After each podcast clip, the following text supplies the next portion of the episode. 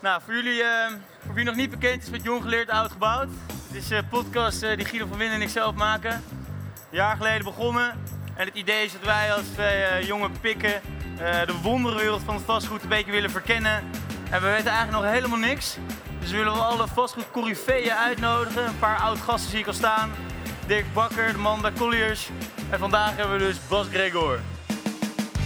En eh, voor wie hem niet kent, dit is de transformatiekoning van het Oosten. Hij opereerde een beetje in de luwte, maar heeft eh, in een paar jaar ja, 900 woningen getransformeerd. Verkocht aan Abu Dhabi. En toen is hij niet op zijn lauwen gaan rusten, dat was een startschot. Cityside Apartments dus verkocht, meteen opnieuw begonnen, Greyhamer. En hij heeft er nu alweer een stuk meer getransformeerd en dan focust hij nu op de retail. Dus hij gaat ons uitleggen hoe wij als jonge gasten starten. Hoe begin je met transformeren? Hoe verkoop je het voor een wereldbedrag? En hoe ga je daarna verder? Dat en een hoop meer, Guido. En wat gaan we meer doen? Nou goed Bas, het staat hier al. De transformatiekoning van het oosten. Niet alleen, zoals Mart al zei, heb je het verkocht aan Abu Dhabi, maar ontwikkel je ook vooral in het oosten. Kan je uitleggen waarom je daar zit? Nou, ik eh, ben eh, woonachtig in Apeldoorn. Ik moest overigens mijn vrouw vanochtend uitleggen wat eh transformatiekoning van het Oosten inhoudt. Dus eh, ik heb er weer een fan bij, zeg maar. Ehm, nee, eh, tien jaar terug ben ik eh, voor mezelf gestart en had ik een idee van, nou, dat is een probleem met vastgoed. Er was veel lees aan vastgoed. Vastgoed was besmet. Ehm, en uiteindelijk heb ik het idee bedacht om zeg maar, vastgoed te gaan herbestemmen. En dat was vanuit Apeldoorn makkelijk, hè, omdat we daar de goede contacten hadden. En dan hebben we een eerste project opgepakt om daar een kantoor om te bouwen naar jongerenhuisvesting. En dat was voor toen een schot in de roos. Fair enough, fair enough. Goed. En eigenlijk, verstaan jullie mij goed trouwens? Ook achterin een beetje. Te horen? Oké, de man ook? Perfect, perfect. Eh, eigenlijk wil ik het zo meteen nog eh, ja, echt uitgebreid gaan hebben over wat jullie nu doen, welke kansen je ziet. Maar we zijn niet nergens, we zijn op het Provada. Het is eh, drie dagen geweest. Ik ben eigenlijk naar één ding vooral benieuwd. Morgen, Bas opent zijn laptop. Wie belt hij als eerste? Welke deal? Wat heb je binnengehaald? Eh gemene vraag. We gaan niet beginnen met, eh, daar kan ik niks over zeggen. nou, nee, kijk, nou ja, eigenlijk, kijk, je hebt natuurlijk al wat geroepen over retail vastgoed. Kijk, wij zijn natuurlijk groot geworden door eh, naar kantoren te kijken met de bril van dat moet wonen worden. Ehm, en ik denk dat dat ons onderscheidend vermogen voor tien jaar terug was. Dat we daar redelijk snel was, waren, hè, terwijl de markt nog keken naar kantoor zijn naar kantoor, dat wij al keken naar een appartementengebouw. Ja, zo kijken wij nu ook naar retail. Dus we zijn met een paar hele mooie retailkansen bezig om die af te ronden. In concreet, nou ja, mailen we. eh, mij. nee, we zijn nu een eh, project aan het verkopen in Apeldoorn. Eh, dat is een project dat is zowel retail als kantoor als wonen. Dus die, eh, maar daar zitten we al in het verkoopproces. En qua aankoop, ja, ik hoef jullie niet uit te leggen dat een deal pas een deal is eh, als de handtekeningen staan en eh, je bij de notaris wegrijdt. Dus we moeten nog even wachten. Dus we Maar Ik- wordt er hier, eh, worden hier nog deals gedraaid eigenlijk op de Provada? Want je hoort Nou. een beetje over de expo, daar is het wat serieuzer, worden nog wat deals gedaan. MIPIM is echt alleen maar eh, show en, eh, en feest. Zit Provada een beetje tussenin? We hebben hier een hoppenbar, is een beetje gezellig borrelen, maar wordt er nou echt nog zaken gedaan? Laat ik zo zeggen, ik denk dat het hier voornamelijk weer goed is. Zeker gezien de hele COVID-perikelen van afgelopen jaar. Om het weer eh, zien en gezien te worden en, eh, en de contacten weer te verfressen, verversen. Eh, maar echte deals, ja, ze zullen hier misschien op papier geclosed worden. Maar nee, het is voornamelijk gezelligheid en een biertje drinken. En zorgen dat inderdaad morgen er weer wat gebeurt. Precies, precies. Nou, ik denk eh, dat het voor een jongere garde ook. ik bedoel, wij we kunnen wel doen alsof we hier deals doen. maar ik denk dat ik niet voor mezelf spreek. Alleen als ik zeg dat de jonge gasten gewoon een beetje elkaars agenda dingen loopt uit te nodigen. Zeggen, ja, we zien elkaar om drie uur. Doe wel even een agenda, want dat ziet er goed uit. Dan ziet iedereen dat ik ook afspraken heb. Dus dat is waar wij ons vooral mee bezighouden. Maar op jouw niveau is het dus wel wat meer deals maken ook. En proberen in ieder geval. Nou, dus ik ben hier voornamelijk voor de gezelligheid. En, eh, en uiteindelijk komen daar natuurlijk deals uit voort. Heel- Is, eh, ben eh, kom jij al lang op Provada? Is het zeg maar, vanaf jonge gozer al? Of? Ja, ik, eh, ik, ik voel me ondertussen wel oud. Ik ben 43 en eh, nou, ik heb, eh, als je naar mijn team kijkt, ben ik de oudste. Allemaal jonge mensen. Ehm, dus ja, ik kom hier nu 15 jaar, denk ik. En eh, dus eh, ja, het is weer eh, eigenlijk als vanouds. Het is bijzonder eh, Wild Westen, zeg maar, op dit moment. Ja, Gek lekker uit. thuiskomen. Oké, Ja, nou, ieder in onze podcast is het eigenlijk zo dat eh, de normale gang van zaken is zo dat wij eh, iemand uitkiezen. Wij zitten vaak met vragen, hoe werkt dit? Hoe kunnen we daar eh, een slaatje uit slaan? Ehm, we hebben al eens een keer een podcast gedaan met Willem Slager. Daar kwam uit dat Gijs Bessem eh, onszelf opbelde van... hé hey jongens, ik wil hier toch even op reageren, want de retail wordt hier een beetje teniet gedaan. Eh, maar Bas, vandaag is het bij jou ook een beetje anders gegaan. Want een van jouw werknemers heeft jou dus eigenlijk naar voren gedragen. En ik ga heel even aan hem vragen waarom eigenlijk. Bob, Bob, vertel, waarom heb jij Bas eigenlijk opgegeven hier vandaag? Nou, ten eerste, ik had de podcast geluisterd en dat was eh, ten eerste complimenten. Dat doen jullie leuk. Daarnaast waren er veel verschillende onderwerpen. Die nee, nog iets door tof. daarover. Ja, Iets meer de ego boosten, Ja. hoe goed het is, hoe leuk het is, hoeveel mensen het luisteren. En daarnaast eh, zag ik dat transformatie eigenlijk niet echt toegelicht werd. En wij hebben de afgelopen jaren, eerst onder Cityside, nu met Graham en Company, doen wij natuurlijk eh, steeds meer verschillende dingen. Nou, het is leuk als eh, wij hier ons momentje kunnen pakken. En, eh, maar Bas die zei, eh, toen, toen we hier net tegenkwamen, zei hij... Ja, Mats man, normaal opereer ik een beetje in de luwte. Ik moet mijn vrouw uitleggen wat de transformatiekoning is. Ik loop de parkeergarage uit en alle makelaren stappen me af. Bas, Bas, ik wist niet dat je zo bekend was. Maar jij dacht, hij mocht wel iets meer in de media treden, of wat? Ja, stiekem kent iedereen wel hoor. Dus eh, dat zegt hij wel. Misschien een klein beetje verlegen soms, maar hij vindt het ook wel leuk. Nou, dat is dan nu klaar. We gaan, nu, gaan we, nu gaan we open zijn. Ik hoor al hier sowieso iets eh, wat wel mijn aandacht trok. Eh Grey Hammer and Company. G is voor Gregor, denk ik. Hamer voor... Klinkhamer. Maar dan maak je er toch Grey Hammer van. Ja, het klinkt wat meer internationaal, hè? Greyhammer and Company. En Company. En Company, limited. En eh, waar staat het company dan voor? Nou, companies, wij, ehm, wij voeren eigenlijk twee staken. Hè. Door de verkoop van Cityside Apartments vorig jaar zijn we uiteraard gewoon doorgegaan met het eh, ontwikkelen van vastgoed. En daarnaast eh, investeren wij nu ook sinds anderhalf jaar zeg maar, in scale-up van eh, bedrijven. Dus we zitten nu in een dertiental bedrijven. En ehm, ja, En wat voor soort dan? Eigenlijk heel divers. Van een, eh, een eh, jonge jongen die eh, zwembroek heeft bedacht, die verkleuren door temperatuur. Dus even om het concreet hebben, jullie hoofddingen zullen transformeren. En nu voornamelijk winkels naar appartementen. Maar daarnaast was misschien die, die, die, zak met geld van Arabieren zo groot dat je ook bent gaan investeren. Een beetje private equity achter. Begrijp ik dat goed? Nou ja, de- deels. Kijk, eh, met Cityside transformeerden we echt zeg maar, van kantoren naar wonen. Ja? Met Greyhammer transformeren wij nog steeds van kantoren naar wonen. Alleen wat je wel ziet is dat eh, de markt is natuurlijk anders geworden. Hè, de markt is natuurlijk booming. Eh, veel kantoren worden weer verhuurd als, of verkocht als kantoor. En wij zoeken toch altijd naar een stukje niche. Leuke dingen, hè, want we, we hebben een jonge club. En, eh, dus wij zien nu kansen in het retail. Hè, dus wij zijn nu met een aantal retail dingen bezig om die eh, eh, te ontwikkelen. Transformeren van retail. Hè, het is echt sloopnieuwbouw. Een sloopnieuwbouw dus. Sloopnieuwbouw, want ja, retail is toch een ander, ander product dan kantoren. Kun je dat uitleggen voor Guido? Eh, Jazeker. Ehm, Ja, dan moet je echt eh, bij het begin beginnen. Ja, Janneke taal. Ik heb volgens mij maar een half uur, dus ik zal de korte versie doen. En kijk, het voordeel wat je met kantoren hebt als je kantoren bouwt naar wonen, heel, heel kort gezegd, is dat de maatvoering van kantoren is dusdanig makkelijk dat je met de beukmaat die er is, zeg maar, relatief makkelijk wonen kunt realiseren. Hè, met daglicht en dat soort zaken. En kwaliteit.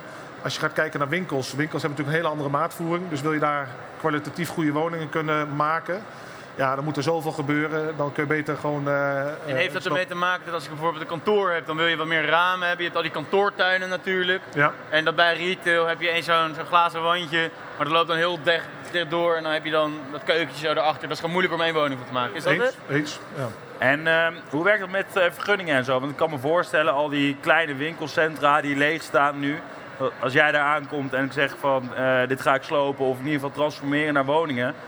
Vertrekt toch een beetje die ziel en eh die gezelligheid uit die wijk. Of is dat nu gewoon niet eens meer een issue? Nou, het, het is een combinatie. Kijk, eh, met kantoren had het voordeel dat we door hè, de crisis- en herstelwet konden we, konden we heel makkelijk zeg maar, door de bestemmingsplanprocedure eh, een functieverandering doorvoeren van kantoor naar wonen. Als je nu gaat kijken naar retail, retail is natuurlijk complexer. Hij heeft natuurlijk maatschappelijke functie. En uiteindelijk gaat het ons om dat wij kwaliteit bieden en, en toegevoegde waarde. Eh, dus het is niet zo dat op het moment dat wij retail ombouwen naar wonen, dat het retail verdwijnt. Het kan ook een combinatie zijn. Dus wij kijken per plek van ja, wat, wat, wat is nou kwalitatief goed voor die omgeving. Dus het kan ook zijn dat we de retailfunctie houden en daar bovenop wonen realiseren. En even die eh, bestemmingsplanprocedure. Dat klinkt als, ja, dan gaan we even de bestemming veranderen van kantoren naar wonen. Of retail is iets lastiger van retail naar wonen. Alleen ik ben eigenlijk best wel benieuwd, hoe gaat het nou in de praktijk? Want in principe, oké, dus je, eh, ik kan me zo voorstellen, je hebt een plek En je denkt van, hé, hey, nou, dat is mooi, er is leegstand, daar wil ik woningen bouwen. Maar op een gegeven moment moet je een keer eh, gaan zeggen, we kopen het. En ga je dan meteen al met de gemeente praten. Hebben jullie juristen in huis die al direct goede banden met de gemeente aan, ja, aanhalen om eh, die bestemmingsplan echt te kunnen wijzigen? Of het lijkt me best wel een, een risicovol proces ook. Nou ja, maar Je hebt maar één buurman nodig die zegt, eh not in my backyard, en, en Bas moet doorzoeken. Nou, ik, ik, kan, ik kan denk ik wel een, eh, een boek schrijven over alle buren eh, die we hebben gehad zeg maar, de afgelopen jaren. Eh, maar ik denk dat dat voor alle mensen die geld die hier zitten, die te maken hebben met projectontwikkeling, daar heb je natuurlijk te maken met lange trajecten.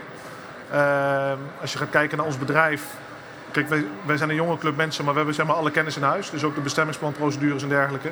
Dat wordt allemaal vanuit ons briefpapier gevoerd. Doe jij dat of heb je daar gewoon echt Nee, een collega's voor. juristen Ja, ook voor? Ja. Collega's voor. Ja.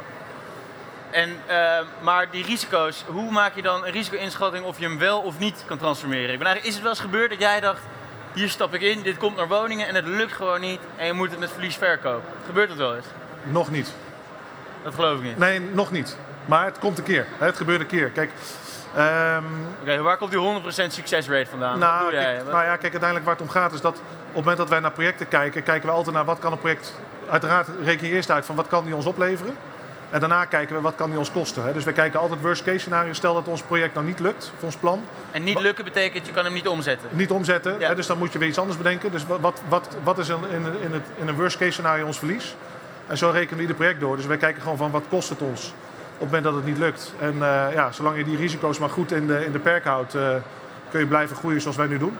Mats, En, eh, ik ja. sta hier naast Dirk Bakker. Ah, Dick Bakker, dat is onze podcastmaat. Zeker. Ja, geweldig, CEO geweldig. Colliers en sowieso graag gezien een gast van een jong geleerd oud gebouwd. Dirk, eh, dit verhaal van Bas, herken, herken je dat een beetje? Ja, dat herken ik heel erg. Dus we hebben natuurlijk een, eh, Bas heeft een sweet spot gevonden waar, waar heel veel mogelijk is. Hè, Het is duidelijk geweest, ook tijdens corona, maar eigenlijk daarvoor eh, was al een duidelijke kentering te zien dat er wat leegstand kwam op bepaalde plekken die buiten de loop zitten, zou ik maar zeggen. hè. De, de, de binnenstedelijke dingen zijn voor jou denk ik niet interessant. Want dat loopt altijd wel en dat Ja. wonen daarboven is, is een logische, dat zie je steeds meer gebeuren. Kalverstraat, de Leidse straat, dat is allemaal leeg, dat gaat nu wonen worden.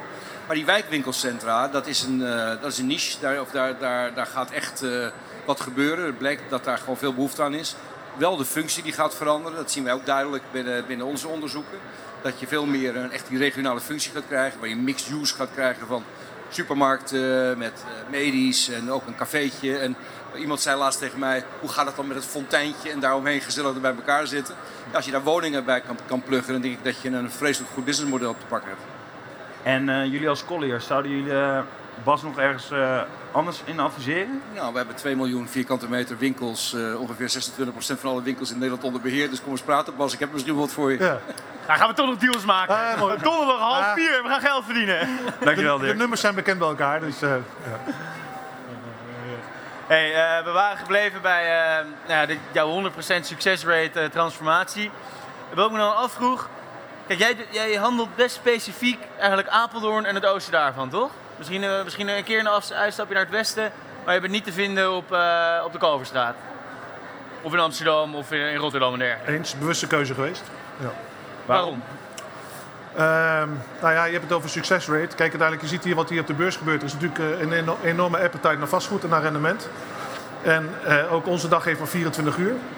En wij hebben gewoon gekeken van nou, waar we nou de grootste kans van slagen. En dat zijn toch op papier de minder sexy gebieden. Dus eh, met ons oude label zaten wij, als iemand zei Den Haag, zaten wij in Soetermeer. En als iemand zei Utrecht, zaten wij in Nieuwegein. En zo hebben we eigenlijk een beetje het land doorgekrost. Eh, maar ja, op dit moment, eh, als je naar de periferie kijkt, en zeker naar Amsterdam, er zijn zoveel partijen actief. Voordat wij daar voet aan de grond hebben, dat kost ons veel te veel tijd. Dus wij, Maar dat woord risico, dat is, eh, volgens mij kun je het dan op twee manieren bekijken. Je kan enerzijds zeggen, je hebt risico omdat je misschien meer kapers op de kust hebt. Meer mensen die datzelfde pand willen kopen om te transformeren. Maar aan de andere kant, als jij in, in Utrecht of in Amsterdam zo'n pand weet te transformeren, heb je geen afzetrisico meer. Eens. Dan ze in groepen, klossen tegen de plinten en heb je dat, heb je dat ding verhuurd voordat je je hebt omgedraaid in bed. Maar ik kan me ook voorstellen, als je dan net in Nieuwegein gaat zitten, er is niemand die dat wil transformeren of er zijn er minder. Maar dat afzetprobleem, dat afzetrisico, dat kun je ook tackelen dus. Nou ja, kijk, wij- kijk, ons eindproduct is natuurlijk in de basis wonen. En wonen is natuurlijk zeker nu hot. Ehm, en uiteindelijk als je gaat kijken naar het, het, het, het aankooptraject. Hè, want een pand kopen klinkt heel simpel, maar daar gaat natuurlijk heel veel tijd en energie in zitten. Ja, we zijn natuurlijk altijd met heel veel projecten bezig. En dan is het gewoon keuzes maken. Ja, waar stop ik wel of geen tijd in? En eh, als we even kijken naar jullie werknemers, want ik zie heel veel uh, naar jonge vastgoed uh, staan. Jullie zitten zelf in Apeldoorn. Ja. Kijk, jongens zoals Michiel van Melzen, die willen gewoon in de Randstad werken. hoe zorg je nou dat... wat dichterbij, jongens. Dat jullie die, allemaal even iets dichterbij. Als dat jullie aan je bent, Michiel, boys, talent. Jongens, kom wat dichterbij allemaal. Het geluid is niet zo goed. Het pil staat allemaal hier. Jullie daarachter ook, man. Dan kom op, iets meer erbij. Maar ik, ik, heb natuurlijk een aantal collega's uh, hier, uh, hier zitten. Ja. Uh, die kunnen dat misschien veel beter uitleggen waarom ze graag bij ons werken. Maar Wie zijn het? Ja. Janine of Margot. Wie mag ik het woord geven, dames? Wie kan het het beste uitleggen? Waarom is het zo leuk om voor Bas te werken? Je bent heel vrij, je krijgt ontzettend veel mogelijkheden. Het is een bedrijf waar je heel erg veel eigen initiatief moet tonen. Dus je krijgt heel veel vertrouwen van Bas en van Rick. Ja, en het zijn ja, misschien wat oudere mannen, maar uh, geest. Au, au, au, ja, au. In geest uh, doen ze altijd nog mee met, uh, met de jongen. Dus elk, elk feestje, daar zijn ze gewoon bij. Dus dat maakt het gewoon heel leuk. Ja. Dus jij rijdt graag een uur per dag naar Apeldoorn of je woont daar? Nee, ik woon in Utrecht. Ah, oké. Okay. Nou, dat is te doen. Heel goed. Dankjewel. En, en jullie hebben net een nieuw kantoor geopend. In, of nee, dus jullie aan het verbouwen? Ja, 1 december gaan we over. Ja. En heb je daar een beetje zin in? Is het, is, is het mooi? Is het gaan we uitbreiden? Ja, er komen zeker. nieuwe Kijk, mensen bij? Uh, met de verkoop van het vorige bedrijf zijn we ook verhuisd naar het centrum van Apeldoorn. Met het idee uh, in de horeca gaan we veel lol beleven. Hè. Er wordt natuurlijk ook veel laat doorgewerkt. Uh, maar op het moment van de verhuizing vond de hele COVID closing plaats. Dus werd er van het huis gewerkt. En ons nieuwe kantoor is een Rijksmonument. En uh, nou, die hebben we, nou, ik zal jullie binnenkort uitnodigen. Echt heel vet verbouwd. Ah, mooi. Uh, totaal niet traditioneel. En uh, ja, kijk, wij zijn natuurlijk op kantoor, besteden we meer tijd dan thuis. Dus het moet gewoon kloppen. Dus ja. ik hoorde Dirk al iets roepen van, ja, je moet gewoon een bruine kroeg hebben. Nou, die komt er ook. Nu al. Dus er wordt veel... Ja, ja, ja. Ah, oké. Okay. Ja, wel vrijdagmiddag worden we uitgenodigd dan. Uiteraard. Okay, uiteraard. Dus, hey, en um, zij willen graag bij jou werken, maar uh, na zo'n podcast, nou ja, Dirk kan erover mee uh, praten, die mailbox die stroomt over. Hoe ga jij selecteren? Waar kijk jij naar? als je gaat kijken naar de mensen die we nu hebben, doet eigenlijk iedereen die bij ons werkt, doet eigenlijk wat anders dan voor, voor ze opgeleid zijn. Wij zoeken gewoon enthousiaste mensen die gewoon een drive hebben. Oh, ja. En daar, ja, daar wordt uiteindelijk een functie. We hebben vaak mensen aangenomen terwijl we nog niet eens een functie hadden. Maar gewoon omdat ze goed waren of enthousiast. En daar verzinnen we wel wat voor. Want uiteindelijk, uh, wij groeien nog steeds hard. En uh, ja, handjes hebben we altijd nodig. En als we het even over de toekomst hebben. We gaan zo gaan we het over de deal hebben. Daar wil ik ook nog meer over weten. Alleen nu dus Greyhamer. ja, je begint al te lachen. over de toekomst. Je zegt we gaan uitbreiden. Ja. Um, over tien jaar, ben je dan nog steeds aan het transformeren? Heb je er weer duizend verkocht en nu aan uh, wat Indonesiërs? Of wat, gaan, we, gaan we een grotere scope doen? Gaan we meer van hetzelfde doen? Drie kantoren? Ja, kijk, de, de, de verkoop die we hebben gedaan aan de Arabieren, dat uh, is eigenlijk nooit ons doel geweest. Hè, wij vonden het leuk waar we mee bezig waren. Dat, nou ja, als je met iets bezig bent wat leuk is, dan gaan dingen vaak ook goed. En we hebben heel veel gas gegeven. Ja, en um, als we kijken wat we nu aan het doen zijn, zowel het investeren in bedrijven als weer het, het, het, het ontwikkelen van vastgoed. Want je ziet wel dat we steeds minder transformeren, zeg maar. We proberen wel, uh, we worden in die zin toch iets meer traditioneel ontwikkelaar. Ja, Wat is de reden daarvoor? Minder laaghangend fruit? Of, Eens. Uh, Kijk, wij kijken gewoon waar de, pakken? nou ja, we kijken waar de kansen zijn. En uh, je ziet op dit moment, zeker met die winkelcentra, dat daar meer sloopnieuwbouw is. En uh, ja, uiteindelijk, ja, wij zoeken eigenlijk in naar die niche. Mats, okay. ik sta hier naast een vastgoedvrouw, kunnen we wel zeggen. Ja, dit is, dit is, de, dit is de beste collega van Amsterdam. Even kijken, wie ben je? Ik ben Verlien. En wat doe je? Ik loop nu stage bij de acquisitie van een uh, projectontwikkeling bedrijf. En welk, welk bedrijf is dat? Bij Rockfield. Rockfield. Bij Mats toevallig. Oh, Mats ja. werkt daar. Ja, dit is de beste stagiaire van heel Amsterdam. Oké, okay, en uh, we hebben normaal gesproken een rubriekje. Dat is uh, de brutale vraag. Die wordt normaal gesproken van tevoren ingestuurd. Ja. Mats heeft aan jou eigenlijk gevraagd of jij de brutale vraag aan Bas kon stellen. Zo brutaal is hij niet eens volgens mij. Ja, ik kon hier weken over nadenken. Dus, mijn vraag is, wat is de beste herontwikkelingskans nu na corona? Dus het kantoor of het winkelpand? Heel brutaal. Nou, die is wel heel brutaal. Zeg even gewoon, eikel. Ja. ja. Nee, als je gaat kijken naar, de markt, naar de marktontwikkelingen, dan moet ik natuurlijk 100% retail zeggen. Hè, omdat natuurlijk bij retail het meeste gaande is. Uh, kantoren gebeurt nog niet zo heel veel. Dus eh, ja, brutale vraag. Gebeurt niet, niet zoveel? Leg uit. Eh, nou ja, we hadden het net over het laaghangende fruit is wel op. En eh, iedereen had natuurlijk verwacht dat door COVID dat het, het, het kantoorwerken veel minder gaat worden. Waardoor er veel meer kantoormeters beschikbaar zouden komen. Eh nou wordt er wel meer thuisgewerkt, maar je ziet nog geen overschot op de kantoormarkt.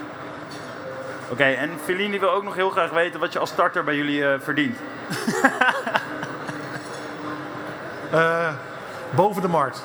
Boven de markt. Oké. Feline, ben je tevreden met je antwoord? Ik ben heel tevreden met mijn antwoord, dankjewel. Ja, bij ons kun je ook goed verdienen, Ja. Eh, je hoeft niet naar Bas te Dat komt helemaal goed. Krijg- Krijgen ze nou wel een goede stagebeoordeling? nee, nee, nee, dat doe ik ook niet. Hey, eh, we gaan over de deal praten, jongens. Eh, want Bas, ja, ik hoor dat niet zo vaak. Ben een jonge gozer natuurlijk, maar ik denk jullie ook niet zo vaak. Dat je gewoon particulier vastgoed één voor één transformeert. Ik kan me voorstellen dat het over heel Oost-Nederland een beetje verspreid overal wat woningen zitten. En dan heb je een partij als Roundhill Capital, die de rijkste man uit Abu Dhabi hier naartoe vliegt. Bas ook een paar keer daar naartoe vliegt. En die die hele Dat zie je ook wel aan zijn gebruinde bek, volgens mij. Ja, dat laat weinig te verraden over. Dus blijkbaar weer een deal handen. maar eh, ik ben wel benieuwd, Bas. Oké, dus particulier vastgoed, verspreid. Kijk, er zijn 900 woningen, dat is veel. Het zal goede kwaliteit zijn. Maar hoe in hemelsnaam komt zo'n Roundhill Capital, zeg maar zo'n grote gevestigde corporate internationale partij, zeg maar Bas, die, die alles heeft getransformeerd. Hoe is dat gegaan? Eerste contact en neem ons er een beetje mee. Nou, ik moet even kijken wat ik zeg, want ik zag hem net lopen. Ehm, de, de eerste pluk. Kijk, we hebben, wat ik net al zei, Cityside ontwikkeld met het idee dat wordt voor, voor ons onze, ons pensioen, zeg maar, eindbelegging. Eh, wel het Een idee. jaar geleden, toch? Ja, daar zijn we mee gestart. Ja, Eh, ja. mee gestart. En uiteindelijk hadden we een portefeuille van ongeveer 1600 woningen. En eh, we hadden zeg maar het idee om per gebied 300 woningen te hebben. En wat wel een hele eigen apparaat. We deden- welke gebieden had je dan geïdentificeerd? nou ja, wij, wij zitten natuurlijk voornamelijk in het oosten, maar we hebben de Alfa hadden we veel. We zaten op een gegeven moment Nieuwegein, Zoetermeer. Nou, in ieder geval heel wat, Ja, heel wat gebieden. En, want toen we natuurlijk begonnen, op een gegeven moment hadden we jaren dat we zeg maar, met 500 woningen per jaar groeiden. Dus dat ging, eh, dat ging heel hard. 500 per jaar. 500. En uiteindelijk hadden wij eh, alles wat zeg maar, met huurder te maken had, dat hadden we zeg maar, in huis. Dus als technische dienst, eh service desk. Dus als een huurder van ons belde, die kreeg altijd met iemand van ons te maken. Alleen op een gegeven moment werden we natuurlijk ook ingehaald door de markt dat meer partijen gingen transformeren. De, de vastgoedmarkt die groeide. Dus wij merkten dat we minder snel groeiden. Eh, dus wij kwamen er ook achter dat op het moment dat er een storing was in Al van der Rij, dat het niet makkelijk was vanuit onze technische dienst om dat eh, te verhelpen. Ja, het werd te Eh, groot. Het werd te groot, dus uiteindelijk hebben we ervoor gekozen om zeg maar, de panden buiten onze comfortzone te verkopen. Die hebben wij verkocht aan Huip, aan Annexum. Is Huiper? Ja, ik zag hem voorbij lopen, hij is volgens mij gevlucht. Ehm, Oh, dit heeft te veel betaald dus. Nou ja, met, hij, de, hij zo. met, met de wetenschap van vandaag eh, was alles te goedkoop Ik dan heb je die eikel. En uiteindelijk door die transactie eh, nou ja, zijn we natuurlijk wat, eh, wat bekender geworden. En eh, hebben we uiteindelijk met Roundtail gezeten. En die eh, hebben eigenlijk het hele bedrijf verkocht met personeel. En, eh, Personeel aan toe. ja, en de en naam. eh, eh, zij jou bellen, jij hun bellen? nou, de combinatie van beide. Ja, dat kan niet. Ja, ja, natuurlijk. Je iemand de eerste zijn. Ja. Je kan niet Ja. een beetje zwanger zijn. Het wordt een beetje in de markt, zijpelt het zo door. Ja, Geen antwoord. nee. Ja, oké. eh, Ja, Bas, nou, hebben we voldoende of heeft iemand nog een prangende vraag? Dat hij zegt van, ah, jullie vergeten dit hem eh, te vragen. Heeft iemand een vraag, jongens? Anders uh, wij gewoon Anders, gaan we iemand aanpakken. Zo, Kom maar, wie wil? Hey Bas, waar ik nog wel benieuwd naar ben, is eh Mats en ik proberen natuurlijk een beetje voor de jonge garde te kijken waar kunnen wij nou eigenlijk het beste starten.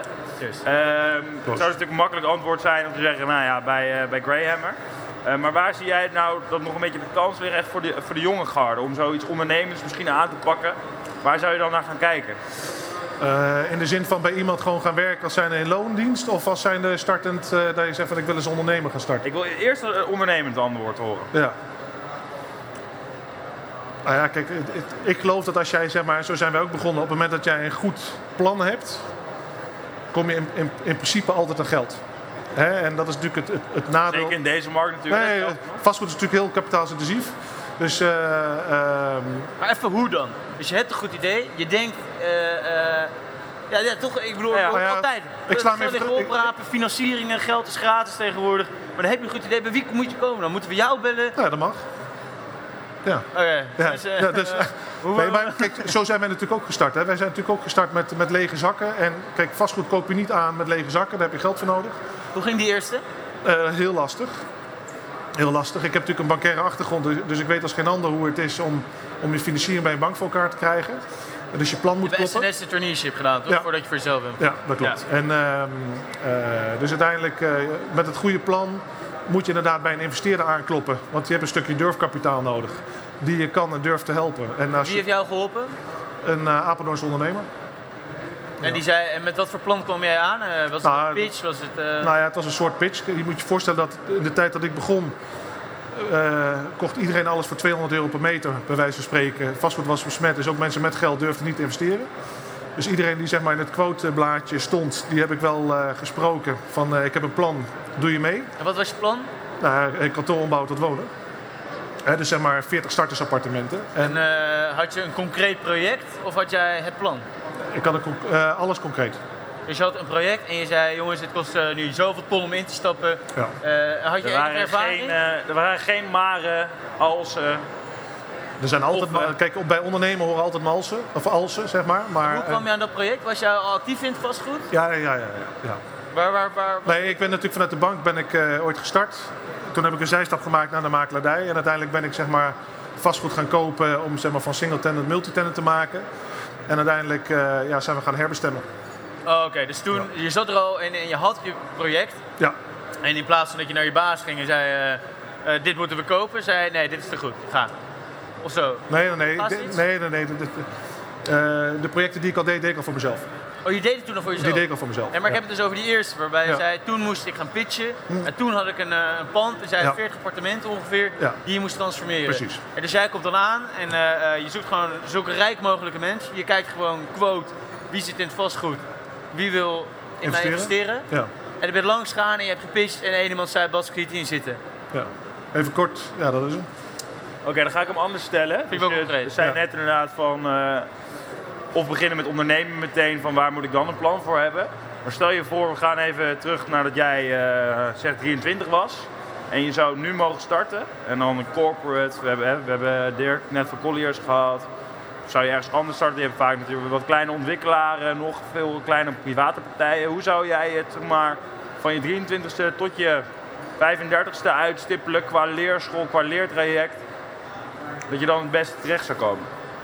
Ja, kijk ik toch een beetje naar mezelf. En ik ben dus ooit bij SNS Bank begonnen als trainee. En ja, door zo'n traineeship word je door zo'n hele organisatie gegooid. En uiteindelijk gaat het gewoon om eh, kilometers maken, ervaring krijgen. Zien waar de kansen liggen, maar ook zeker zien waar de bedreigingen liggen. Maar een bank is best wel atypisch natuurlijk. Eh, heel atypisch, want die kijken natuurlijk in de basis alleen maar naar bedreigingen. Hè. Daar ben ik uiteindelijk daar weggegaan. Maar ehm, ehm, het is wel gewoon goed om te zien toch waar de de risico's liggen. Want ja, als je eerste project kan je maken of breken, dat is letterlijk zo. Ja. Heb je eigenlijk nog last gehad van die uitspraak? Dat je zei, banken geven geen financiering omdat ze me de winst niet gunnen. Eh, ik heb wel wat belletjes gehad. Heb je nog gegeven? Ja, de, de, de relatie is weer goed. Dus, ehm, nee, maar dat was wel een quote die, eh, die kwam wel binnen bij eh, een van onze banken, zeg maar. Dus, hoe ging dat dan? Ja, natuurlijk. Want we hebben natuurlijk een, een, een bijzonder goede verstandhouding met de bank. Want ja, zonder bank kun je ook niet verder in deze markt. Ja, en dat was natuurlijk wel een boute uitspraak. Ja, maar hoe ging dat dan? Belde je en zei, nee, dat, dat- die, eikels van Quote. Nee, maar, nee, maar ze weten wel waar het spanningsveld zit. Kijk, we hebben natuurlijk, bij een bank heb je natuurlijk altijd een haat-liefde verhouding. Hè? Want wij willen natuurlijk altijd net even wat meer dan wat de bank wil. En eh, dit was ook zo'n dingetje dat wij zoiets hadden van jongens, dit is, dit is zeg maar goud tegen brandverzekeren onder water. En zei ze, ja jongens, dat gaan we niet doen. Ja, dan moet je een beetje discussie voeren. En, eh, dus daar kwam deze quote vandaan. Dus hij wist ook wel waar hij op sloeg. Nou, kan me wel vinden. Jij? Nou ja, ik kun je, maar je zou, zou je dan mensen, hier de eerste drie, vier rijen, zou je die aanraden om bij de bank te beginnen? Nee, nee maar juist, juist een traineeship, of uiteindelijk waar het mij om gaat, is wat ik wil Ja. meegeven, is dat op het moment dat jij zeg maar goed wil worden, heb je gewoon veel ervaring nodig. Hè? Dus, Ja. En als je bij een klein bedrijf begint, dat kan, hè? want dan word je dieper gegooid, leer je veel. Maar wat je vaak ook ziet bij de corporate bedrijven, is als je daar zeg maar, op meerdere afdelingen actief mag zijn, Ja. ja, je, hebt gewoon, je moet gewoon weten waar je het over hebt. En kijk, het, het palet vastgoed is heel breed. Hè? Want als je ziet waar je allemaal mee te maken hebt met je bestemmingsplannen, met je ontwikkeling, met je bouw. Nou, als je ziet, als je hem helemaal gaat opnoemen, dan waar, waar je kansen en bedreigingen liggen, is breed. Ja, Ja, en dan is het leuk dat je gewoon van alle facetten wat mee hebt gekregen. En dat heb ik zeg maar door mijn ervaring eh, heb ik dat meegekregen.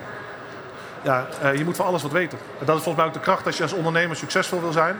Moet je van alles wat weten. Dus op het moment dat je met je fiscalist zit, Ja, moet je wel een beetje weten waar. eh, waar het over gaat. precies. Maar eh, proef ik nou dat je dan zou aanraden om eh, eerst bij een grote adviseur te gaan zitten, een paar jaar traineeship te doen?